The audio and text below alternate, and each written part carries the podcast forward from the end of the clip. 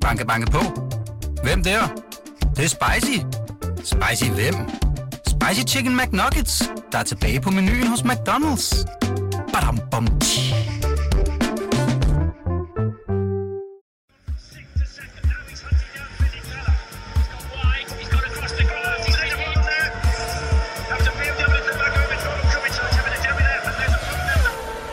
Halløj derude, og velkommen indenfor her i studiet, og velkommen til K-Magazine, podcasten om Formel 1, du bare må lytte til. Mit navn det er Stine Braunschweig, og jeg skal huske at sige, at du kan finde vores podcast på BT.dk og i Radio 24-7's podcast-app. I dag på denne dejlige onsdag, der er jeg flankeret af to hurtige herrer på hver deres måde, nemlig racerkører Ronny Bremer og BT's Formel 1-korrespondent Peter Nygaard. Velkommen til, drenge. Tak. tak. Nå, Ronny, hvordan øh, går du egentlig og har det for tiden?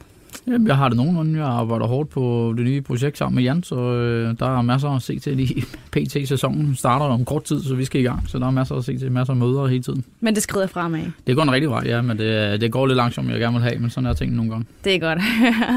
Peter, jeg antager, at du, er, du ankom med en lille trolley. Du er på vej til, til Bahrain? Yes, jeg er flyvende igen, så det, det er også sådan, det skal være.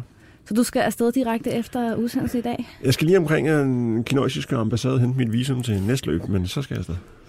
Lige om lidt, der tager vi hul på dagens udsendelse. Velkommen til alle jer, der lytter med.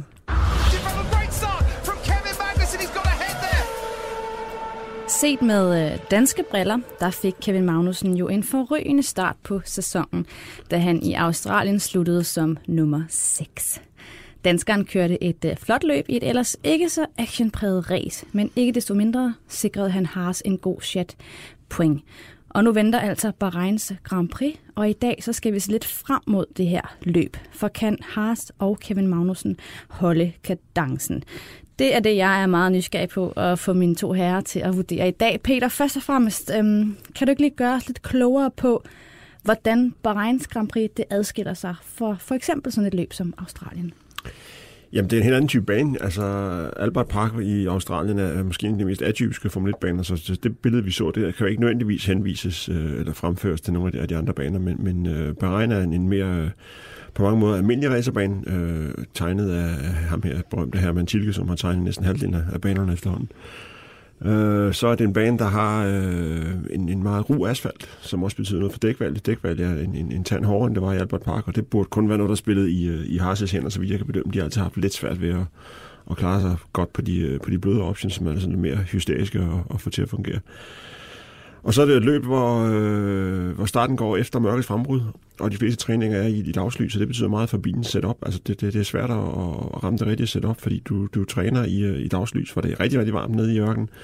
Og så kører du løb øh, efter mørkets frembrud, og det er betydeligt køligere. Så, så det er svært at ramme rigtigt. Det er faktisk kun øh, FP... Øh, FP2-træningen, som også bliver frem, øh, hvad hedder, hvad hedder det, øh, gennemført i mørk, som så nu kan bruge nogenlunde data fra. Så, så det gør det også lidt typisk. Ronny, øh, hvad synes du egentlig om, øh, om Bayerns Grand Prix? Er det et, du sådan altid ser frem til, eller har du sådan et ambivalent omkring det, eller hvad? Jeg, jeg synes, banen er sådan både og, men jeg synes faktisk, der øh, har været nogle, øh, nogle gode overhældninger, gode kampe. Jeg kan da huske noget med Hamilton, der overhældede tre andre leder langsiden og sådan noget på en gang.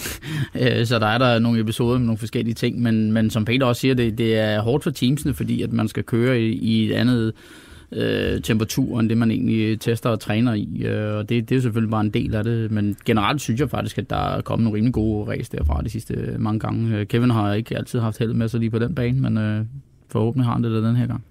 Ja, og hvis ikke jeg tager meget fejl, så sidste år, der sluttede han da vist øh, som, øh, som nummer 5.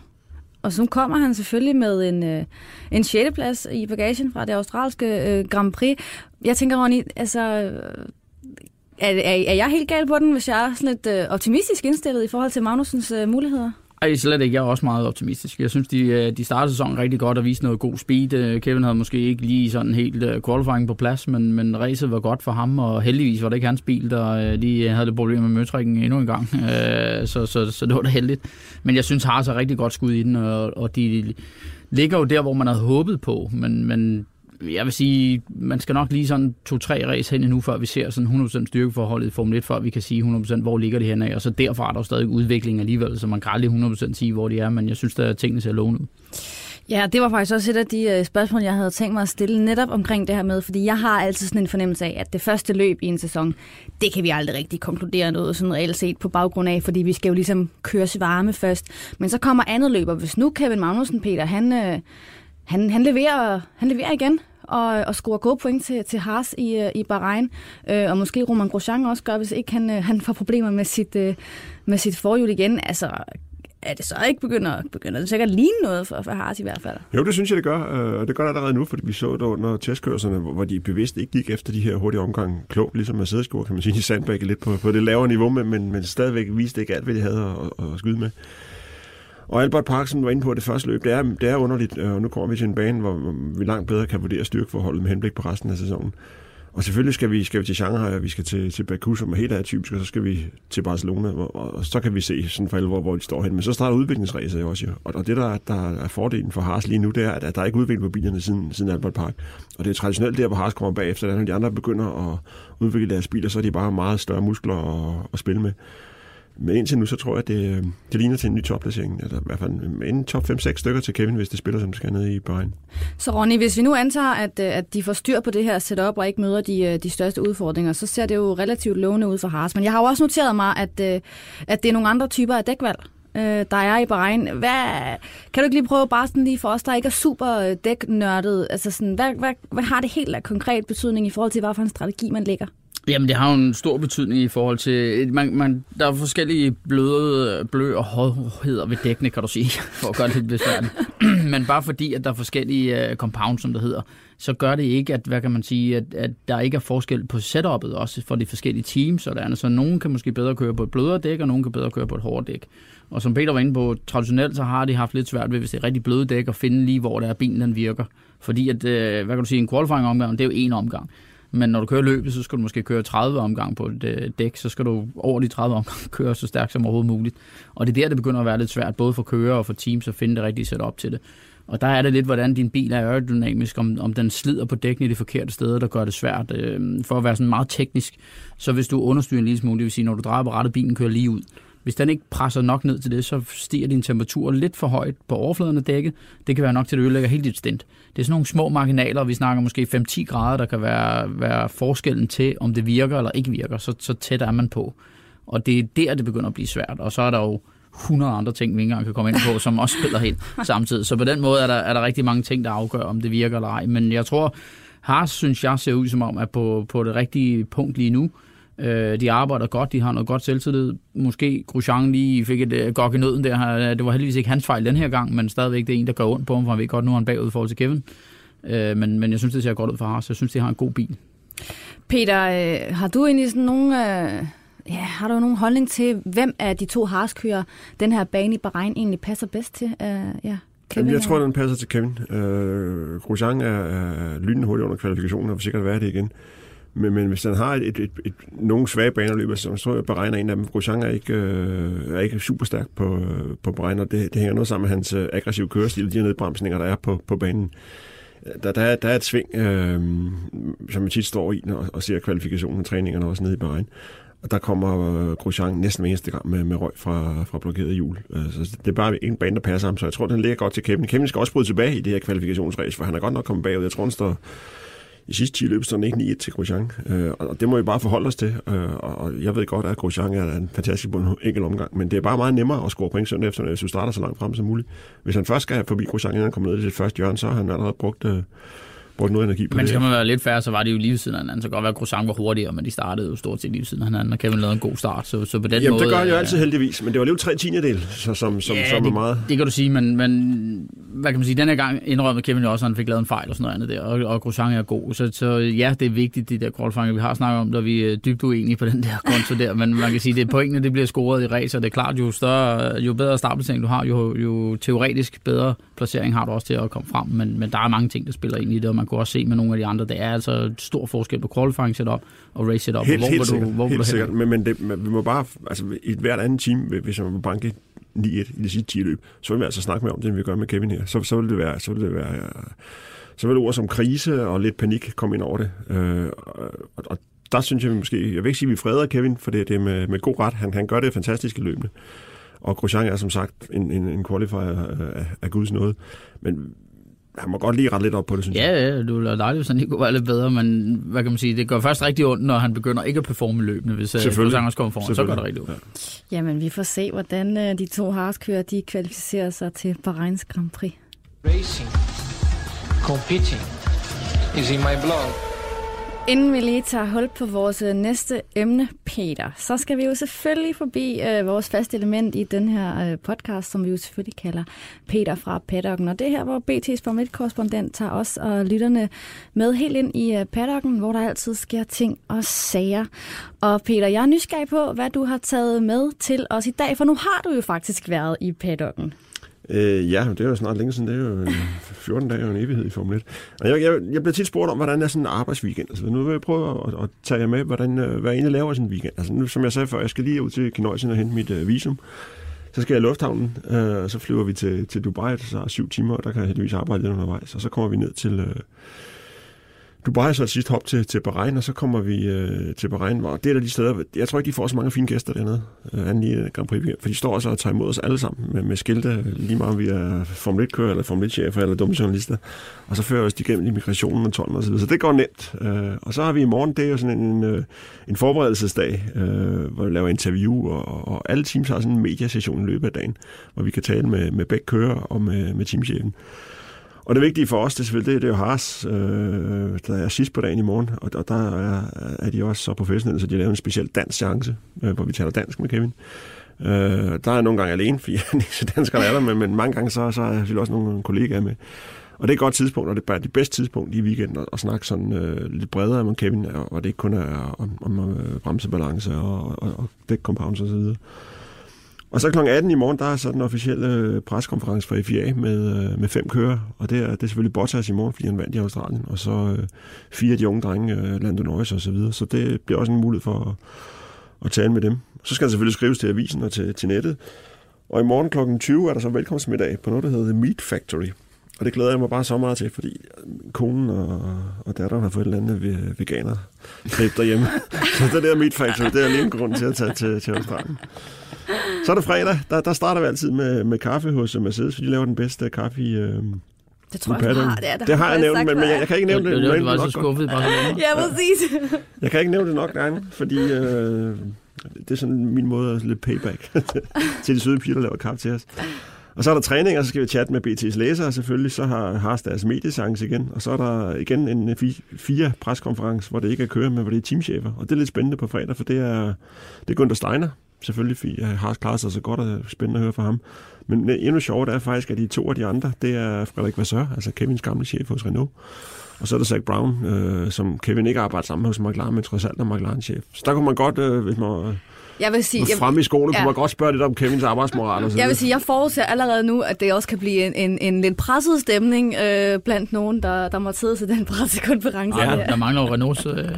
Vi mangler Abide Bull, men vi har ja, været så. Så, så var der rigtig gang i den. Ja. Uh, og så er det lørdag, så er der træning og kvalifikationer, og så er der preskonference med top 3, og så er der Haas mediechance igen. Og det er sådan en, en hektisk uh, tid, hvor vi har haft god tid til at tale dansk om torsdagen. Så, så lørdag efter kvalifikationen, der er det bare uh, høre på hans undskyldning hvorfor han har slået Grosjean. Nej, forhåbentlig ikke. Forhåbentlig skal vi fejre, at han har slået Grosjean for en gang skyld. Uh, og så er det søndag. Uh, jeg, jeg er blevet pitchef Øh, FIA har en eller anden grund udnævnt mig til, øh, til pitchef. Da vi, de har øh, delt op alle fotograferne op i fem grupper. Øh, der må kun være én øh, fotograf fra hver af de her grupper i pitten under løbet. Og der er jeg blevet så gruppe, øh, gruppechef for den ene, så skal jeg bestemme, hvem der har den her adgangskort til bilen, og det er altså bare blevet, jeg troede, det var sådan en lop chance. Men det, så der er meget kød i weekenden? Jeg siger dig, der er meget, og jeg blev chef for den italienske gruppe. Men det er jo det, de er gode til mad, så skal du bare ja, sige til dem, om den, der jamen, kommer jeg, det bedste. Jeg, jeg, jeg, jeg har, har nævnt, at er åben for bestikkelse, men de er, de er altså helt oppe og køre i det der. Vi har aldrig haft så mange gode venner blandt italienerne, som jeg har nu. Og så kører søndagen jo bare med, med, med køreparaden inden løbet og løbet, så fanger Kevin efterløbet og skrive, og så, så i lufthavnen igen, og det er, det er traditionelle fly, øh, tror vi flyver fra Bahrain kl. 3 om morgenen, og alle skal bare med det fly ud af Bahrain. Så der sidder alle Formel 1-chefer, alle Formel 1-kører, alle journalister og, og sover på hinanden inde i loungen. Alle dem, der ikke er privatfly. Præcis. Ja, ja, ja, alle os, der ikke er privatfly. og så øh, til Dubai, og så, så hjem, og så hjem med mandag eftermiddag. Og så ved jeg ikke, hvad jeg skal lave tirsdag, for jeg skal, her, jeg skal her en onsdag selvfølgelig. Jamen, øh, Ronny, det lyder da egentlig som en, øh, en relativt som en presset weekend, synes jeg, men jeg antager, at hvis du er afsted til et uh, Formel 1-løb, så er det ikke helt den samme type weekend, du uh, går i møde. Jamen, det kan det faktisk godt være, fordi at, øh, hvis jeg er til Formel 1-løb, så er det jo tit ikke af, af egen øh, fornøjelse. Så er det som regel, fordi man har nogle gæster med, eller eller andet, man skal Nå, okay. øh, hjælpe undervejs. Så, så der kan også være rimelig øh, run på, øh, men nok på en anden måde, og måske lidt, øh, lidt mere selvbestemt, øh, hvornår tidspunkterne er de fleste af dem. Så øh, der er også masser at se til. Ja, inden der går for meget øh, hyggestue i den her, jeg, det, det synes jeg var en god lille snak, så øh, er jeg jo desværre nødt til også lige at, at tage den alvorlige hat på, for vi skal altså vende os mod et, øh, et emne nu, som jeg tror, der er rigtig mange derude, der sidder og, øh, ja, og tænker, hvad søren er op og ned i, øh, i alt det her. For vi skal nemlig snakke om Formel 1's fremtid. For hvordan kommer det dog til at se ud i fremtiden med Formel 1? I går tirsdag, der var der jo varslet stormøde i Formel 1-verdenen, og her skulle der altså snakkes om de mulige omfattende ændringer fra 2021. Og jeg skal hurtigt med det samme sige, vi aner ikke ret meget om, hvad der reelt set er foregået, og hvordan hele det her forløb op til, øh, til det her møde skulle afholdes har været. Øh, men vi kan jo selvfølgelig gisne, og der siver jo også ting rundt omkring, som vi, øh, som vi kan spekulere lidt i, men øh, der er altså forlydende om, at, øh, at de her ændringer blandt andet går på for eksempel et muligt budgetloft, en ny fordeling af penge, at øh, holdene har den samme gearkasse og en række nye løb. Øh, det er selvfølgelig en masse information, men Peter, jeg tænker, kunne du ikke lige sådan lidt, øh, lidt pædagogisk forsøge at give lytterne et overblik over, hvad handler hele den her, øh, ja, hvad handler den her ting om, om de her kommende ændringer i Formel 1? Det handler principielt om, at, at uh, Formel 1 har en, skal sige, en grundlov, der kaldes Concorde-aftalen, fordi den blev indgået på Concorde-pladsen nede i Paris for, for mange år siden.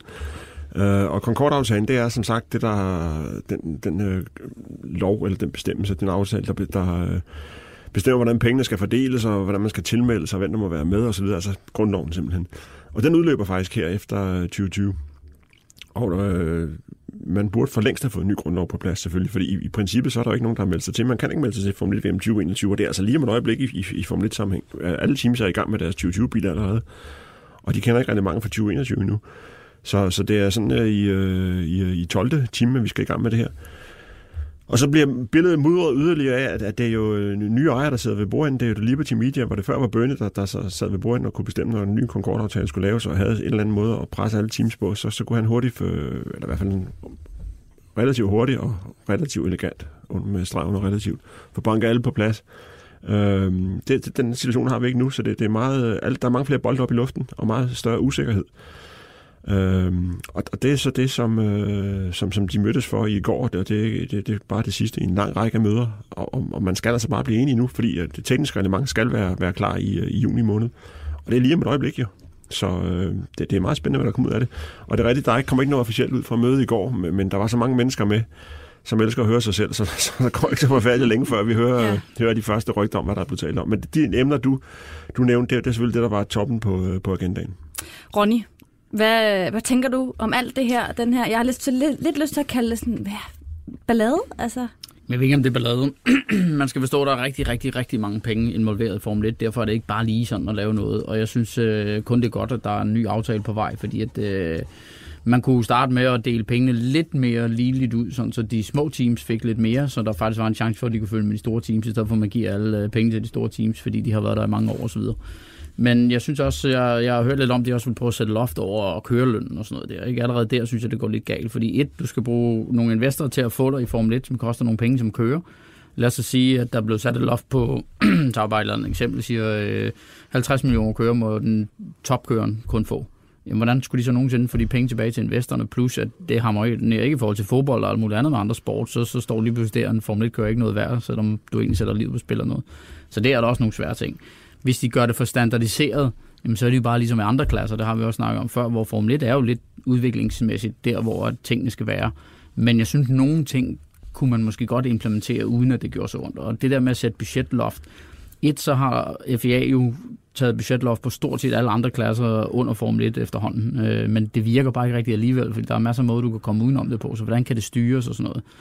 Så, så det, det er sgu ikke lige noget, jeg har en løsning på, vil jeg sige, men, men der er der nogle ting i det, der er interessante, men de skal også passe på, at de ikke gør det for standardiseret, fordi så tror jeg, at Formel 1 måske dør helt automatisk. hvor det skal være, at det er der, der er lidt forskel og noget. Og vi ved, at sådan er det bare for de store teams til de små teams. Men hvis man nu starter med at dele pengene lidt bedre ud, for eksempel gav rigtig mange penge til det team, der, der er allersidst i mesterskabet, men kun i et år. Det vil sige, at de jo ikke blev ved at blive sidst for at få den store kage. Men så kunne det måske løfte et team til, de ikke var sidst næste år. Så man en eller anden bonusordning den vej, i stedet for at det traditionelt meget bekendt er de store teams, der får rigtig mange penge.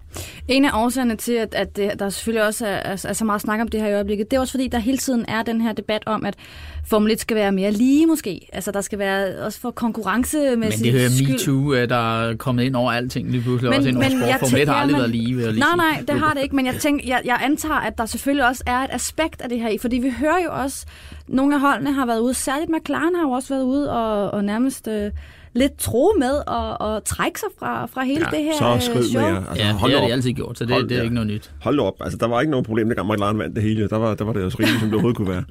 ja. det, det er bare en, sådan en uh, refleksreaktion fra Zach Brown og company. Ja, og det plejer også at være for Ferrari, når ja. de får nok, så er det også sådan lidt, om så trækker vi os også. Ja. Så det, det er den nemmeste måde at få ret på, jo. det er bare at tro med at gå. Så, uh, så... Jamen, der, der, tror jeg faktisk, at Liberty er lidt, er lidt klogere, fordi Bernie han frygtede jo virkelig at miste Ferrari. Altså, det, er derfor, det er derfor, Ferrari får så mange penge i dag. Det er, fordi han betalte dem gang på gang, når, når Ferrari sagde, så stopper vi.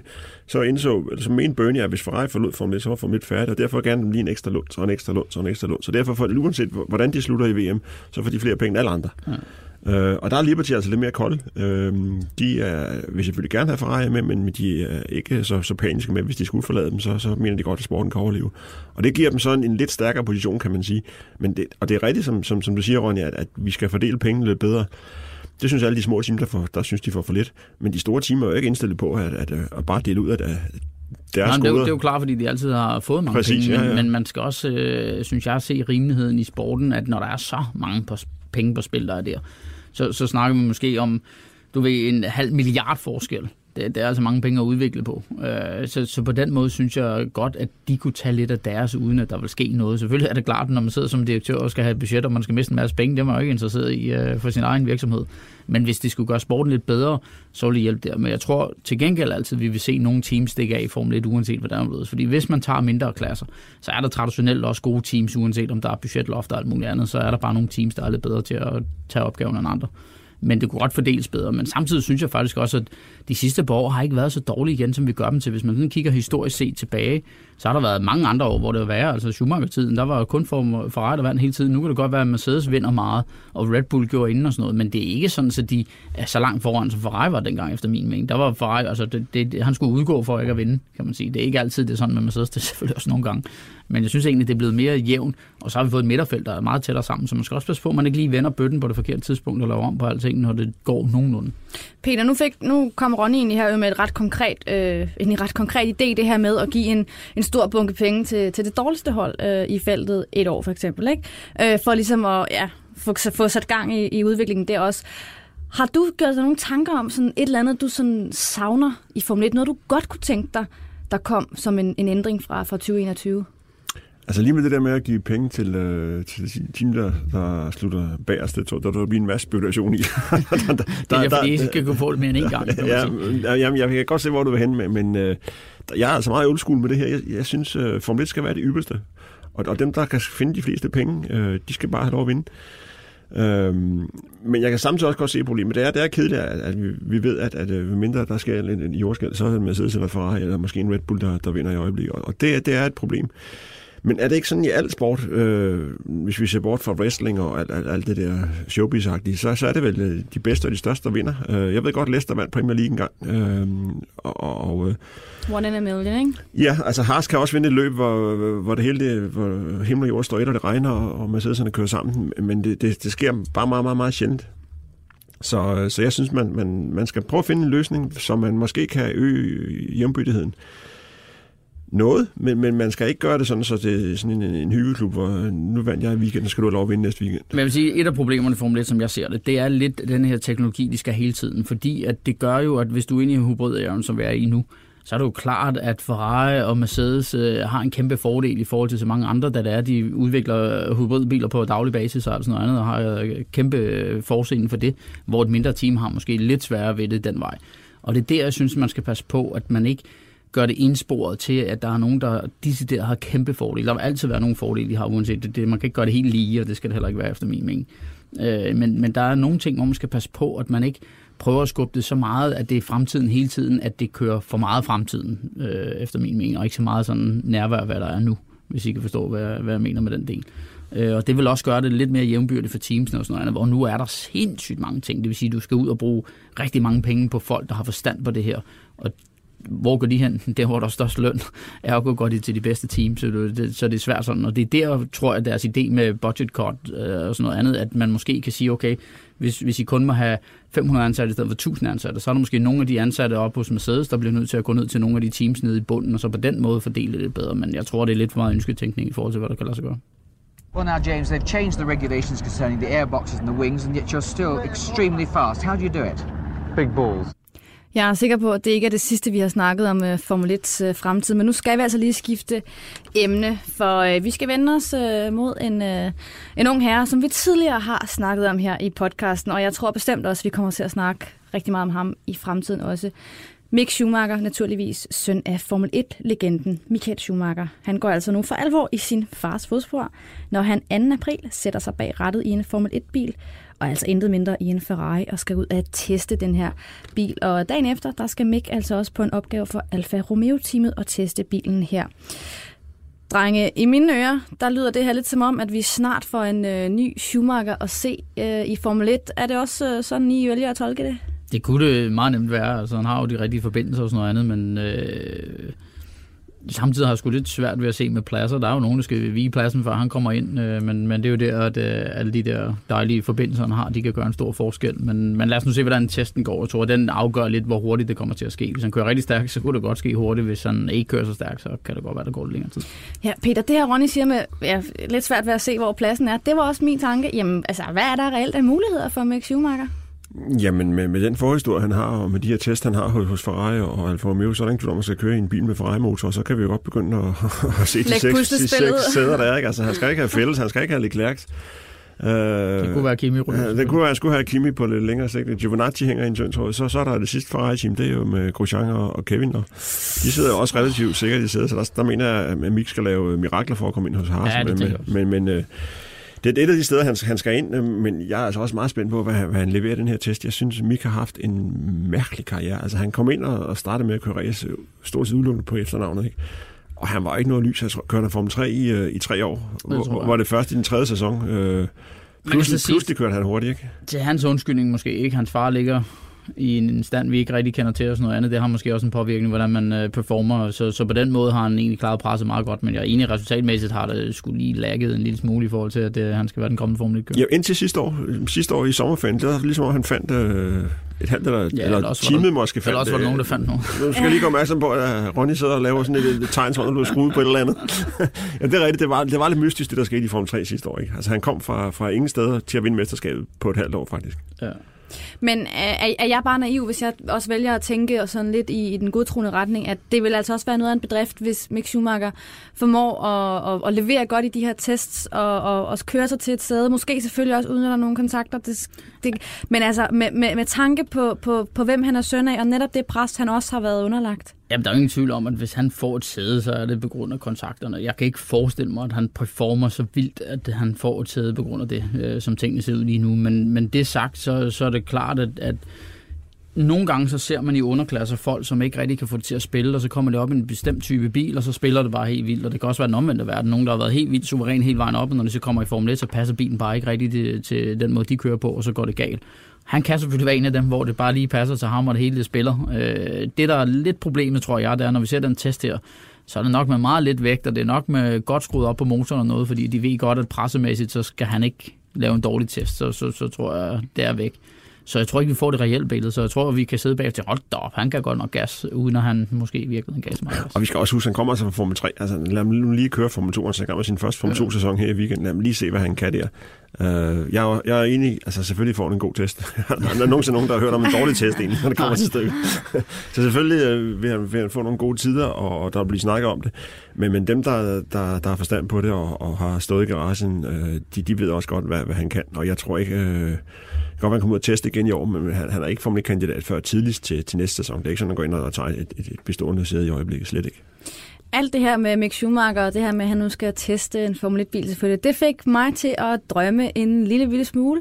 Og naturligvis også drage en parallel, som måske ikke nødvendigvis er helt berettiget, men som jeg ikke desto mindre synes er, er sjov at have med her. Fordi vi har jo altså en ung dansker, øh, der i øjeblikket øh, viser ret god form i Formel 3 og har altså kørt rigtig hurtigt i nogle tests her. Det er selvfølgelig øh, Lundgaard, Ronny, jeg snakker om her. I, hvor meget skal jeg skrue mine forventninger ned til, at vi ser Christian tage den samme rute? Jamen, jeg håber da ikke, du skal skrue forventningerne. Jeg håber da, at han øh, når hele vejen til Formel 1. Jeg, jeg, jeg tror, det bliver svært. I min vurdering har jeg svært ved at se to danskere i Formel 1. Så ved jeg godt, at Peter tidligere nævnte, at der også finder og sådan noget. Men det har der traditionelt været før, og de er noget bedre til, den vi er. Men, men det politiske spil tror jeg, det er svært med to danskere i, i Formel 1. Men, øh, og, og samtidig sagt også, når vi ser alle de her unge kører, vi ser noget kont, der står på sidelinjen nu og sådan noget andet, som er hammerende god. Så, så det, det er sgu også meget med held at være der på det rigtige sted på det rigtige tidspunkt, hvor nogle af de gamle måske bliver skiftet ud, og der så lige præcis passer til, at, at du kan være der. Så jeg vil sige, at Christians form er super god, og det ser godt ud. Han kører også for et rigtig godt team, vil jeg sige. Samtidig så han, han skal være i top 3 efter min mening med det team, han kører for. Og det er måske lidt hårdt sagt, for det er debutsæson og sådan noget, men, men det skal han være. Øh, og så derfra, om der så bliver plads, det, det håber jeg da, men øh, jeg har svært ved at se det lige pt. Ronny har svært ved at se det lige pt. Har du også svært ved at se det, Peter? Ja, lige pt. Ikke, altså ikke, at det sker i morgen, men Nej, at, men det, øh, men sker, at det, det er, vejen peger jeg, den vej. Jeg er overbevist om, at, at, at det sker, fordi Renault, de vil øh, Lundgaard. Han, han, er, han er den, de, de satser på i deres øh, projekt. Og, og det er rigtigt, det vil virke mærkeligt, at øh, Danmark, når man ser på landets størrelse og bilproduktion, eller mangel på bilproduktion, og mange racerbaner, har to kører med i Formel 1. Men heldigvis, så, så Kevin er jo godt af, øh, i, i, i hus hos, hos Haas, og øh, Christian Lundgaard er, er hos Renault som ikke ser så meget på nationalitet. De ser på, at hvis han rigtig kan give gas, så, så tager de ham nok ind. Okay, hvis han kan sende nogle Clio'er, så er det også godt, men, men det vigtigste er, at han, han, kan, han kan give noget gas. Så på den måde ser jeg ikke øh, det store problem. Og jeg, jeg tror faktisk, at, at øh, nu kan vi ikke køre den her Young Driver-test, eller teste for, for, for Ferrari og Alfa Romeo på en kommende uge. Der er jo en, en Young Driver-test til øh, efter sæsonen i Abu Dhabi, og hvis Christian bare gør det rigtig svinegodt, og måske vinder mesterskabet i Formel 3, så vil det ikke overraske mig, at han kører Young Driver-testen allerede der. Havde du en kort kommentar? Ja, jamen, der er ingen tvivl om, at han får en test i Formel 1. Det tror jeg ikke, der hersker nogen tvivl om. Det er kun et spørgsmål om tid. Men uden det skal lyde for negativt, for jeg håber virkelig for Lundgaard, at han når Formel 1. Men der, hvor jeg er svært ved at se det, Peter, det er, at Renault er ved at køre op til at vil vinde VM. Det er det, de kører sig stilling til. Så tager de jo ikke en rookie ind, når de skal til at vinde VM. Ergo er den plads hos Renault meget svært i mine øjne at se uh, Lundgaard i, uh, medmindre han outstanding gør det helt overdrevet. Det gør han lige nu, så, så hvis han bliver ved med det, kan det godt være, men jeg ser fandme det svært. Nej, men jeg, jeg snakker faktisk med, uh, med Renaults uh, Mia Scheismann, som er chef for deres akademi, og han er omkring Christians Formel chance her for nylig. Som er en mand. Mia er en mand. Ja. uh, og han sagde, at, at uh, det var ikke nødvendigvis Renaults eget team. De kunne godt placere ham i et, et, uh, i, i et andet team. Og, og nu, i øjeblikket er der kun et, et, et andet team, der kører med Renault motor, og det er McLaren. Ja.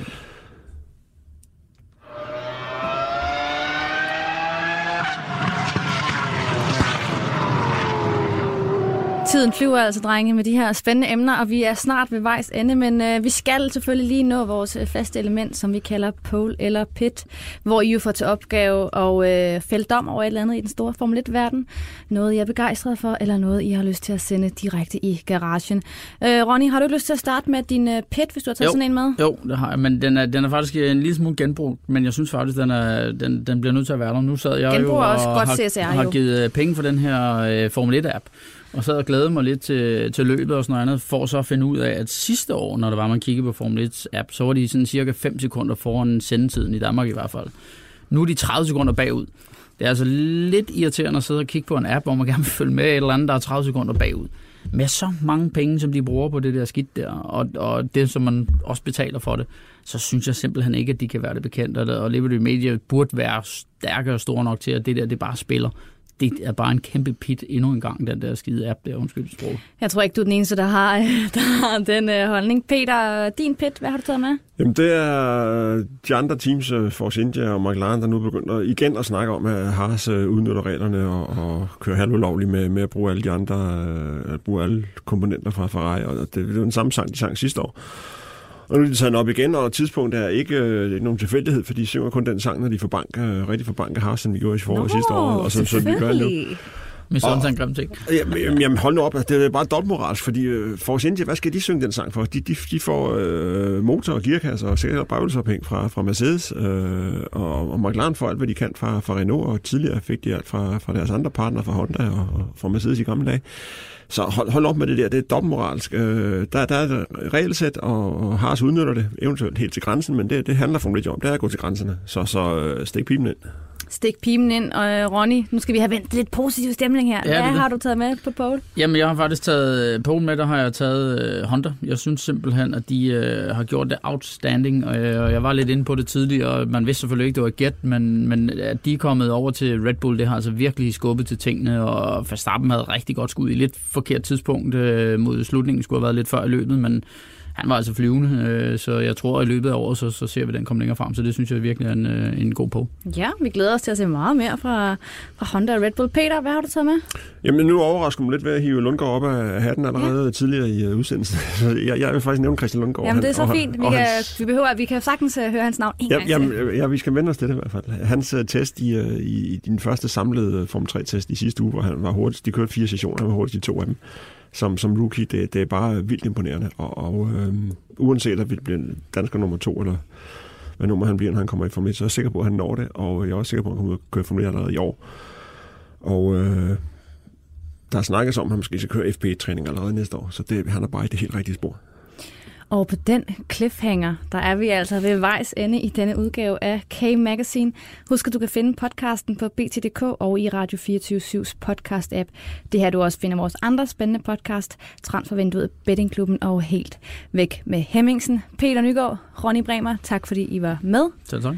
Vi høres